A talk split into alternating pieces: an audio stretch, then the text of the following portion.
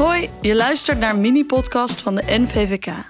In deze podcastserie stel ik je voor aan de verschillende beroepsgroepen in de financiële hulpverlening. Ik stel je voor aan een beschermingsbewindvoerder, WSNP-bewindvoerder, schuldhulpverlener en de rechtspraak. Ik zoek ze op omdat ik merk dat er best wel wat beelden over en weer bestaan. Ik hoop dat deze serie helpt om elkaar beter te begrijpen. Aflevering stel ik je voor aan één professional. In deze aflevering neem ik je mee in de wereld van de schuldhulpverlening. Patrick Verbaarschot gaat ons meer vertellen over zijn werk. Welkom bij Stadshuis Nieuwegein. Mijn naam is Patrick Verbaarschot, consulent schuldhulpverlening bij Werk en Inkomen Lekstrom. Ik laat jullie graag wat meer zien. Dankjewel Patrick. En dan heb ik gelijk een eerste vraag. Wat voor mensen help je en hoe ga je met hen om? Iedereen kan in de schulden geraken en dat zie je ook terug in de doelgroepen die we bedienen. Eh, ik denk dat 50% van de mensen heeft werk, 50% eh, leeft van een uitkering. Oké, en wat is er belangrijk als je in gesprek gaat met een cliënt? Als ik in gesprek ga met een klant, dan komt er voor zo'n klant een heleboel informatie eh, naar, naar, naar boven. Dan is het wel belangrijk dat ze snappen wat ik zeg. En dat controleer ik ook vaak. Als je kijkt naar de regeling, dat zit vol met strakke regels, heel veel regels waar klanten zich aan moeten houden. En als het soms niet lukt, als de klant zich er niet aan houdt, dan probeer ik altijd te kijken van waar zit hem dat in? En zoek ik naar oplossingen daarin. Als ik jou zo hoor, heeft elke cliënt dus behoefte aan maatwerk. Hoe bieden jullie maatwerk aan een cliënt? Onderdeel van een hulptraject is vaak ook een schuldregeling. Daarbij hebben we de keuze uit schuldbemiddeling en een saneringskrediet. En daarbij leveren we maatwerk. Voordeel van een saneringskrediet is dat schuldeisers het bedrag in één keer krijgen en dat het daarna klaar is. En de hulpvrager weet precies wat hij in drie jaar af moet lossen. Stelt hij dan op een gegeven moment meer zou gaan verdienen, dan eh, mag je het meerdere ook houden. En zijn er dan ook nadelen van zo'n saneringskrediet? Nadeel van een saneringskrediet is dat als het krediet eenmaal verstrekt is, dat je dan de klant vaak kwijt bent. En als je denkt dat in een traject nog wel nuttig zou zijn eh, dat er bijvoorbeeld budgetcoaching eh, gegeven wordt, dan is het lastiger om klanten in het traject te houden. En in dat geval uh, bied ik liever een schuldbemiddeling. Als een minnelijk traject mislukt, is een wettelijk schuldentraject, de WSNP, een laatste uitkomst. Hoe kijk jij als schuldhulpverlener aan tegen de WSNP?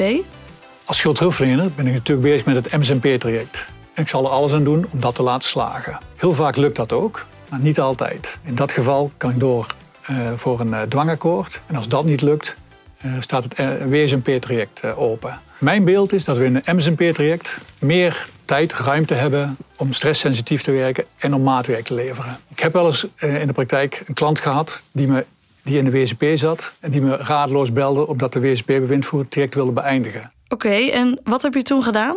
Doordat ik heb bemiddeld tussen de WSP-bewindvoerder en de klant, heb ik het traject toen kunnen redden. Wat mij betreft is het dan zo dat als je wat extra uh, je inleeft in wat er met een klant omgaat, dat je op die manier zo'n traject ook weer kunt redden. En blijf je dan betrokken als jouw cliënt in het wettelijk traject stroomt? Ga je dan bijvoorbeeld mee naar de zitting? Soms is een WSP-traject de beste oplossing. Ik ga dan altijd mee naar de zitting samen met de klant. Enerzijds om de klant gerust te stellen en anderzijds om het traject waar nodig eh, te verduidelijken aan de rechter. En als je dan meegaat naar de zitting, wat voor vragen krijg je dan als schuldhulpverlener van de rechter? Tijdens de zitting krijg ik wel eens opmerkingen van de rechter uh, dat ik het traject anders aan zou hebben moeten pakken.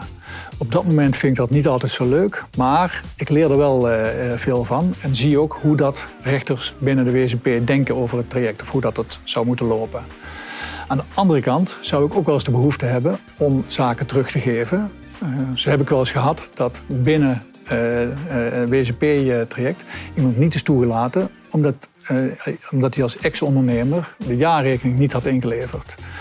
En ik begrijp zo ontzettend goed waarom een ondernemer dat niet heeft kunnen doen, dat ik daarover wel eens in discussie zou willen gaan met de rechtbank.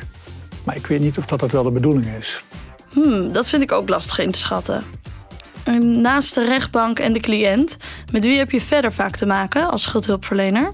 In ons werk hebben we vaak te maken met beschermingsbewindvoerders. Ehm, zij leveren eh, klanten aan die bij hun in trajecten zitten. Daarbij is wat mij betreft de samenwerking duidelijk en verloopt over het algemeen ook erg prettig. Wat ik nodig heb van een eh, beschermingswindvoerder zijn zaken als inkomsten, uitgaven en ook schuldenlijst. Ik hoef wat betreft schuldenlijst niet uh, de hoogte van de schulden te hebben. als ik maar wel weet welke schuldeisen zijn met welke dossiernummers. En als de cliënt is toegelaten tot de WSNP, wat gebeurt er dan? Als een klant is toegelaten tot de WSNP-traject, is het eerder regel een uitzondering dat de klant wordt afgesloten bij ons.